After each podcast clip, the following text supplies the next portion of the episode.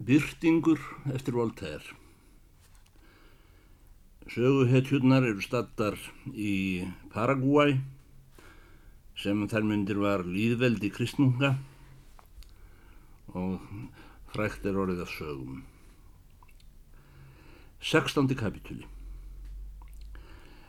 Ævintýri ferðalangan að tveggja með tveim stúlkum, tveim öpum og villimönnum, eirungum að nafni. Byrtingur og skósveitn hans voru nú komin yfir landamærin og eh, enginn vissi enn í herbúðunum um dauða kristnungsins þýska. Kakambus hafði verið svo forsjál að fylla malinn þeirra að brauði, súkulaði, kjötkrofum, ávöxtum og víni. Þeir tegðu nú Andalúsíu hesta sína um vegleysur ókunnar landa. Að lokum breyttist út slettlendi fyrir augum þeirra, sundurskorðar ám. Ferðamennir áðun úr hestum sínum.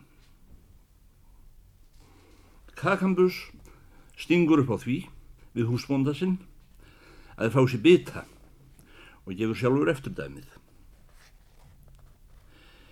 Hvernig dettur þér í hugsaði bestingur að ég fara að rýfa í mig kjött þegar ég er búin að drepa svon herra greifans og um, veit mér fyrir munað að sjá hana kúningund mína fóru hérna af?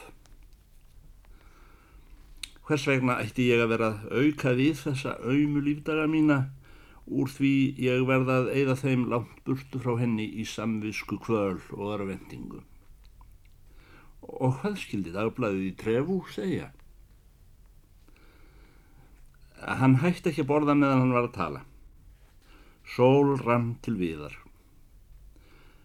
Þá heyrðu tveir hinnir vegarvillu ferðamenn dálitla skræki, líkt og frá kvennmönnum. Ekki vissuður gjörla hvort þessir skrækir orsökuðust af sársöka eða gleði. En um, þeir sprutt á fætur, einn svipan, þó varir um sig og ekki ósmeikir, svo sem menn hafa jafnan ástæðu til í ókunnu landi. Ópinn komu frá tveim berstrýpunum stúlkum sem hlupu tindilfættar eftir allar í aðrinum og eldu þær apartveir sem byti rassin á þeim.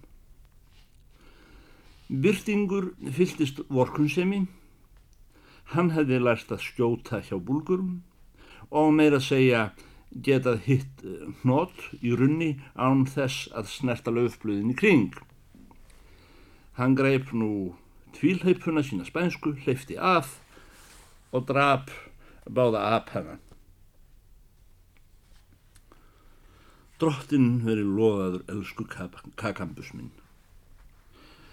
Þarna tókst mér að frelsa þessar auðmingja manneskjur úr mikillega hættu. Ef ég hef dríkt synd með því að drepa dómara í rannsóknaréttinum og gýðing, þá hef ég bætt fyrir brotmitt með því að bjarga lífi þessara auðmingja stúlkuna. Hver veit nefn að þetta séu heldri stúlkur og þetta geti orðið til að greiða gött okkar í landinu. Hann ætlaði að segja eitthvað fleira en varð klumsa þegar hann sá hvar stúlkurnar tvær tóku til að faðmaði sér apana af mikilli blíðu og út auðsat hárum sín með hræin af þeim með ámáttlegu ópi og veinan. Ekki dætt mér í hug að önnur eins hjartagæði veru til, saði með kakambus, en hinn svaraði. Þarna gerur við mikið meistarast ekki húsbúndi góður. Þér drápuð báða elskhuga þessar ungmeja. Elskhuga þeirra? Getur það verið? Þú ert ekki að ganniðinu kakambus minn. Heldur það ég trúi þér. Húsbóndi góður, saði Kakambus. Þér eruð alltaf jafn hissa á öllu. Hvernig stendur á að yfir finnst það svo skrítið að land skuli vera til þar sem apartnir hafa kvennhilli. Þeir eru þó að fjórðungi menn eins og ég er að fjórðungi spánari. Æ, saði byrstingur, þá rámar mig í það að ég heyrði meistara alltungu segja að slíkir atbyrðir hefði gerst áður fyrr og hefði af þessari kynblöndun ekslast huldukallar, elgfróðar og skóarstrákar sem ímis stórmenn í fornöld hafa sjálfur augum litið. En ég held alltaf að þetta veru hljóðsögur. Nú hljóti þér að það veit gengið úr skugga um að það er sannleiki saði Kakambus og sá, sjáuð nú hvernig fólk haga sér ef það fær öngva mentun og glóru og það má mikið vera ef þessar kvensur eiga ekki eftir að koma okkur í bölgun. Þessar velgrunduðu hugleiðingar komu byrstingi til að hverfa af sléttunni og leita til skóar. Þar áttu þeir kakambus kvöldverðsinn og eftir að hafa formælt rannsóknardómaranum í Portugal, ríkistjóranum í Góðviðru og Greifanum fóru báðir að sofa í Mosanum. Þegar þeir vöknuðu fundu þeir að þeir gáti ekki hreift sig. Orsöngin til þess var svo að kvensurnar höfðu borið fram kærur sínar á hendur þeim við eirunga í búa landsins sem síðan höfðu fjödra þá með bastreipum um nóttina. Fymtíu eirungar allsnaktir höfðu slegið hringum þá og uh, voru þeir vopnaðir skótspjótum, kilvum og steinoksum. Nokkrir höfðu kynnt undir soðkalli miklum. Aðrir voru að tálka sér steikarteina og allir æptu Það er kristmungur, það er kristmungur, hefnum okkar nú og gæðum okkur vel, getum kristmung, getum kristmung.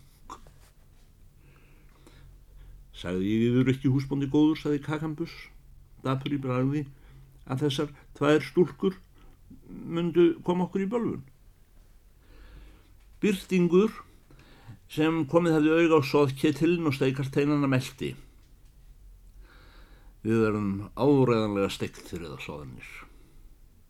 Æ, hvað myndi meistari Altunga hafa sagt ef hann hefði séð hvernig óspilt náttúran hagar sér. Allt er gott, satt er það. En ég get ekki borðað múti því að það eru grimm örlög að verða fyrst að missa ung fú kúningund og láta eirunga síðan hafa sig í svoðið.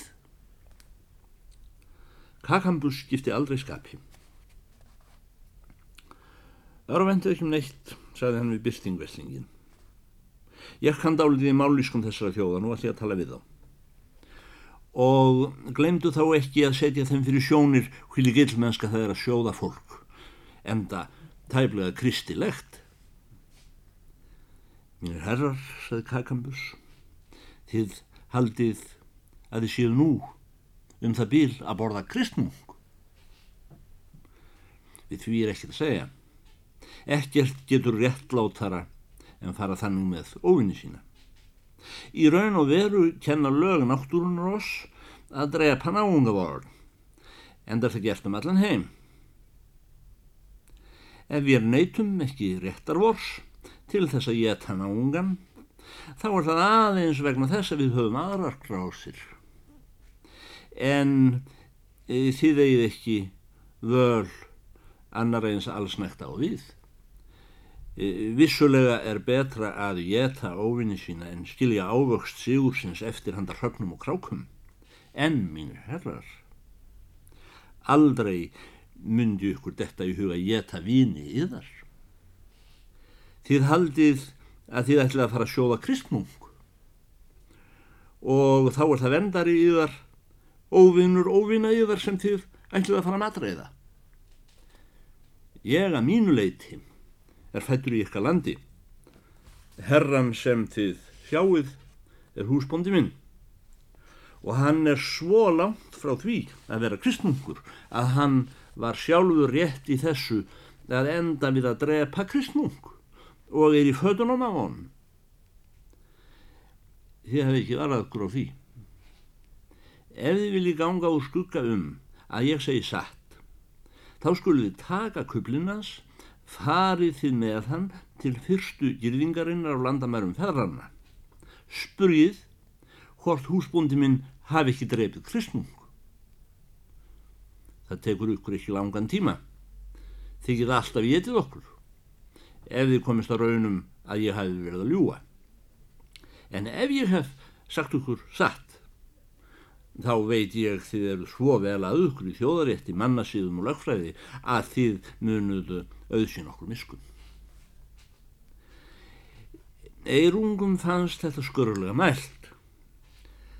Þeir gerðu út á heldri menn að rannsaka með kostjafni hið sanna í þessu máli. Sendimennir luku erindi sínu eins og gáfumannum sæmir og komu brátt aftur með góð tíðindi. Eirungar leistu þegar í stað bandingja sína. Gerðu þeim allt til hæfis, buðu þeim á hvennafar, gáðu þeim hressingu og vísuðu þeim til vegar til landamæra sinna og æptu í káttínu. Sá hann nú ekki kristmungur, sá hann nú ekki kristmungur. Byrtingur þreytist ekki á að lofa þau rauk sem lágu til lausnar hans. Hvílikt þjóð, saði hann, hvílikir menn, hvílikt syðgæði. Hefði ég ekki verið svo heppin að reka sverðið í gegnum skrokkin á bróðurinnar kúningundar minnar, þá hefði ég verið jetinn, miskunar löstu. Þegar öllu verið á botnum holt, þá er óspilt náttúran ekki annað en jæðin. Fyrst þessi þjóð vil gera mér allt til hæfis í staðin fyrir að geta mig þegar hún sannfréttir að ég er ekki kristnungur. 17. kapitúli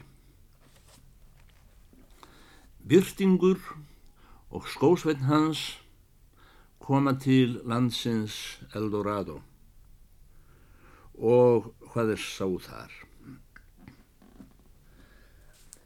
Þegar þeir voru komni til landamæra Eirunga mælti Kakambus við dyrting. Þeir sjáuð að þessi heimshálfa er lítið skári en hinn. Ég segi þú satt. Snúum aftur til Evrópu, skemstu leið. Hvernig erum við að snúa þangað aftur, saði byrtingur, og hvort erum við að fara? Ef ég fer aftur heim í landið mitt, þá eru þar fyrir búlgarar og abarar sem þurma engu kviku. Þar ég til Portugal verði ég brendur. Ef við verðum lengur áfram í þessu landi þá eigum við á hættu að vera hafðir í sóðið þegar minnst varir. En hvernig getur maður afráðið að segja skilið við þann hluta heimskringlunar þar sem ungfrú Kunigund á heima? Við skulum fara til Kajenis, sagði Kakambus. Þar hittum við kannski fransmenn, því þeir eru allstaðar. Kannski miskunnar strottin sig yfir okkur. Það var ekki öðlöfið að því að komast til Kajenis. Þeir vissu áttina svona rétt hér um bíl en ekki meir, fjöll, fljót, stand, björg, ræningir og villimenn, allstaðar á leiðinni. Hestar þeirra sprungu af þreytum. Nesti þeirra var bráðum uppgetið. Í meirinn mánuðu lifðu þeirra á því að týna ber og komu seinast að dálítilli á þar sem kokospálmar uksa á bakkanum og fengu þeir lífsnæringu af ávöxtunum og jukust þar með vonir. Kakambus sem var álíka ráðagóður og kellingin meldi við byrting. Við erum orðinir uppgefnir á þessu röldi. Ég sé að þarna bát við bakkan, hann skulum við fylla með kókosnetur, hlaupa síðan út, út og uh, láta berast með ströymi. Það er segin saga að fljóð renna alltaf til mannabyða. Þó við reppum ekki höpp, býða okkar þó að minnstakosti einhverja nýjungar. Á stað, sagði Byrtingur, látum forsjónunar á það. Þeir letu sér reka nokkrar mýlur með fram hljóðspökkunum sem ímist voru blómsgrúðir eða hrjóstrúir, stundum lágir, stundum brættir. Fljótið fór brekkandi. Sæna streymdi það inn í hvelvingu undir híminháu fjalli. Ferðalangarnir dveir voru þeir fullhugar að láta ströymin bera sig inn undir þessa hvelvingu. Hér þrengdist fljótið millir klettanna og þeir bárust áfram óðfluga í æðrandi háfaða. Eftir sólarring sáðu þeir aftur dagsins ljós en bátur þeirra brotna á klettum. Þeir eruð að ösla frá einum kletti til annars heila mílu. Á endanum blasti við þeim landrými mikið sem lokaðist af háfjöllum við sjónring. Landi var ræktað, bæði með gagn og gaman fyrir augum.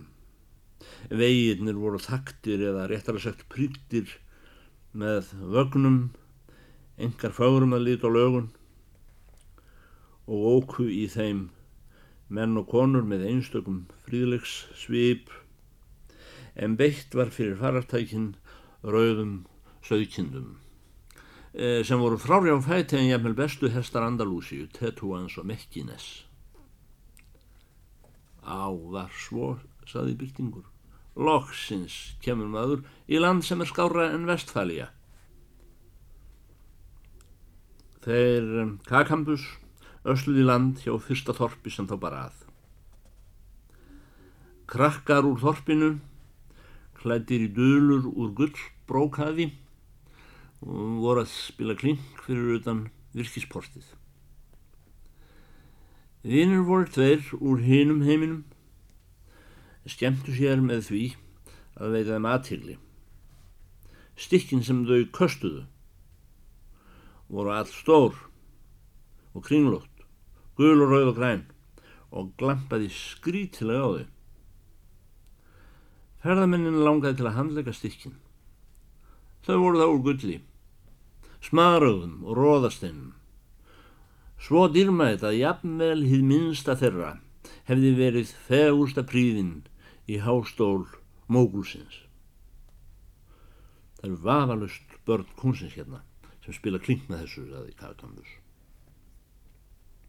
Rétt í þessu kom kennarinn í plásin og kalliði á börnin inn úr fríminutónum. Sko, saði byrtingur, þarna er heimiliskennarin konungsfjölskyldunar. Krakkagregin hættu að leika sér og skildi eftir stikkin sín á jörðinni á samt öðrum leikfengum sínum. Byrtingur tók þetta upp, hljóp á eftir heimiliskennaran og færði honum gripina auðmjúklega og reyndi að gera honum skiljanlegt með bendingum að hinnar konunglegu tignir hefðu glemt gullinu sínu og gimstennunum. Kennarinn í plásinu tók við þessu, brosandi og hendi því. Virti byrting fyrir sér með undruna svip og hjælt áframleiðar sinna. Ferðamenninni letu ekki hjá líða að taka upp gullið, róða steinana og smaraða hana. Hvar erum við, saði byltingur. Það lítur út fyrir að konungabörn í landi þessu sjöu viðtulega uppælinn úr því þeim er kent að meta gull og gimsteina svona lítils. Kakambus var jafnisa og byltingur. Innan skams voruður komnir að fyrsta húsin í Þorpinu. Eh, það var byggt einna líkast höllum í Evrópu. Við dittnar þyrptist saman mikill mannfjöldi og þó voru fleiri inni. Það lagði að aðan indæla tónlist og eh, að eirum manns og að vitum manns ilm af kræsingum. Kakambus gekk nær og heyrði að fólk meldi hér á perúísku. Það var móðurmál hans, því eins og kunnugt er fættist Kakambus í Tukuman í þorpi einu þar sem ekki skils nema þetta mál. Ég skal gera stúlkur eðar, saði Kakambus. Önguminn, þetta er veitingahús. Óðar kom á móti þeim tveir þjónar og tvær þernur veitingahúsins í fötum úr gulldúki með hlaðum enni og báðu þá að taka sér sæti við gestaborðið. Þar voru borðnar á borð fjórast tegundir af súpu og tveir páfagaugar í hverri, soðinn kondor 200 punda þungur, tveir stektir apar eins ljúfengir og hægt var að óska sér, 300 kólibrí á einu fati og 600 flugu kólibrí á öðrum. Fyrirtagsjafningar og lostætar bakningar. Allt var framleitt á diskum úr einhvers konar steinkristalli. Þjónustu fólki var gestónum með matnum alls konar drikki runna af sikurreir. Meiri hluti gestana voru kaupmenn og ökumenn, allir framúsgarandi kursteysir og spurðu þeir kakambustíðinda með einstaklega nærgætni og svoðurðu spurningum hans á fullnægandi átt. Þegar máltíðinni var lokið, heldu þeir byrstingur og kakambus að þeir ætti að borga fyrir sig og köstuðu á borðið tveim hinnar stóru gullstykja sem þeir höfðu hyrt en þá fóru gestgjafa hjónin að skellja læja og hlóðu þanga til þau urða að halda um magan. Á endan náðuðu sér aftur. Mínir herrar, sögði gestgjafin, það má sjá að þið eru útlendingar, við erum ekki vanir slíkum. Fyrirgeðu fórum að hlæja þegar þið buðuð okkur í borgunarskinni grjót af þjóðvegunum okkar. Það er auðsíð að þið hafið ekki meðferðist gjaldmiðil þessa lands en hér í kráni er óþarfa borga fyrir matinn. Öll gistihús sem hafa með höndum að greiða fyrir verslunin eru kostlaður ríkinu. Það við fengið lítilfjörlegan viðurgerning hérna því þetta er fátækt pláss en hvar sem þið komið annar staðar mun verða tekið á móti ykkur eins og þið verðskuldið. Kakambus tólkaði þessa ræðu gestjafans fyrir byrstingi ringlaður af aðdáun og byrstingur hlustaði með samskonar aðdáun ringlun. Hvers konar land getur þetta verið? Óþekkt annar staður á jörðinni. Þar sem allt er annara náttúru en hjá okkur, sögum þeir við annan. Þetta er líklega landi þar sem allt er í lagi, því þess konar land hlýtur að vera til. Og hvað sem meistari Altunga sagði þá var æfinlega eins og mér finnist allt vera einhvern veginn ekki lægi í vestfalíu átjóndi kapitúli það sem þeir sáu í landinu Eldorado Kakambus let forvitni sína í ljós við gestjafan gestjafin sagði Ég er óskup fáfróður, en mér líður vel. Aftur á móti er hérna öldungur einn, gammal hyrðumadur, einhvern mesti vitmadur í landinu og þar eftir ræðin. Síðan fór hann með kakambus til gamlamannsins. Byrtingur var orðin lagra settur og fyldi skósfinni sínum. Þeir komi mjög fábrótið hús þar sem dyrnar voru ekki nefnur silfri og þilviðnir aðeins úr gulli en gerðin með svo fallegu verki að jafnvel ríkulegustu skraut til komist þar ekki samjöfnuð. Forstofan var að vísu ekki greipt með neinu merkilegra en róðasteinum og smaröðum en vandvirknin sem allt var með sér bætti fyrir einföldina. Gamli maðurinn satt á legubekk dregnum kólibrífjöðrum meðan hann tók á móti gestum sínum og létt berðum drikk í demantskálum. Síðan tók hann að svala forvitni þeirra. Ég er 172 ára og ég heyrði hann föður minn, stallar kongsins, segja frá þeim fyrðulegustu byltingum í Peru sem hann hafi verið sjónarvottur að. Konsríkið sem við nú byggjum er þau forna föðurland inkanna Þeir voru svo ógætnir að fara út úr því í þeim tilgangi að leggja undir sig heiminn og var seinast eitt af spánverjum. En þeir af prinsum fjölskyldunar sem eruð eftir í landinu voru miklu gáðari. Þeir skipður svo fyrir með samþykki þjóðarinnar að engin íbúi skildan okkur sinni fara út úr konungsríkinu. Og þetta er orsök þess að við höfum varðveitt sagleysi okkar og hamingu. Spánverjar hafa haft óljósan grunum að land þetta veri til og nefnda Eldorado og englendingur nokkur að ralei, kavalýri. Eh, nálgæðis landið fyrir hjörnbel hundrað árum en með því við erum umkringdir af ókleifum, standbjörgum og klettum höfum við æfilega vel í skjóli fyrir ránshendi Evróptjóða. En þær eru sagðar alveg trilltar eftir mölinni okkar og leiðjunni og myndi drepa hér húst mannsbarn til að ná því. Þetta var langt samtal. Það snýri sem stjórnansfyrirkomlægið, siðferðið, hvemfólkið, ofinbæra skemmtanir, listir. Lóksins spurði byltingur sem æfinlega neyðist til hásbygginar, hvort ekki væru trúarbröði landinu og bað Kakambus tólka þessa spurningu. Öldungurinn róðnaði dálitið. Hvað segið þér, saði hann. Hvernig getur þér efast um það? Haldið þér kannski við sjöum vanþakkláttir? Kakambus spurði auðmjúlega hvaða trú veri í Eldorado. Öldungurinn og ráðanaði aftur. Er hægt að hafa tvenn trúarbröð? Ég veit ekki betur en við höfum söm trú og allir aðrir. Við dýrskum guð frá því á kvöldin og þanga til á mótnana. Dyrki þið ekki nema einn guð?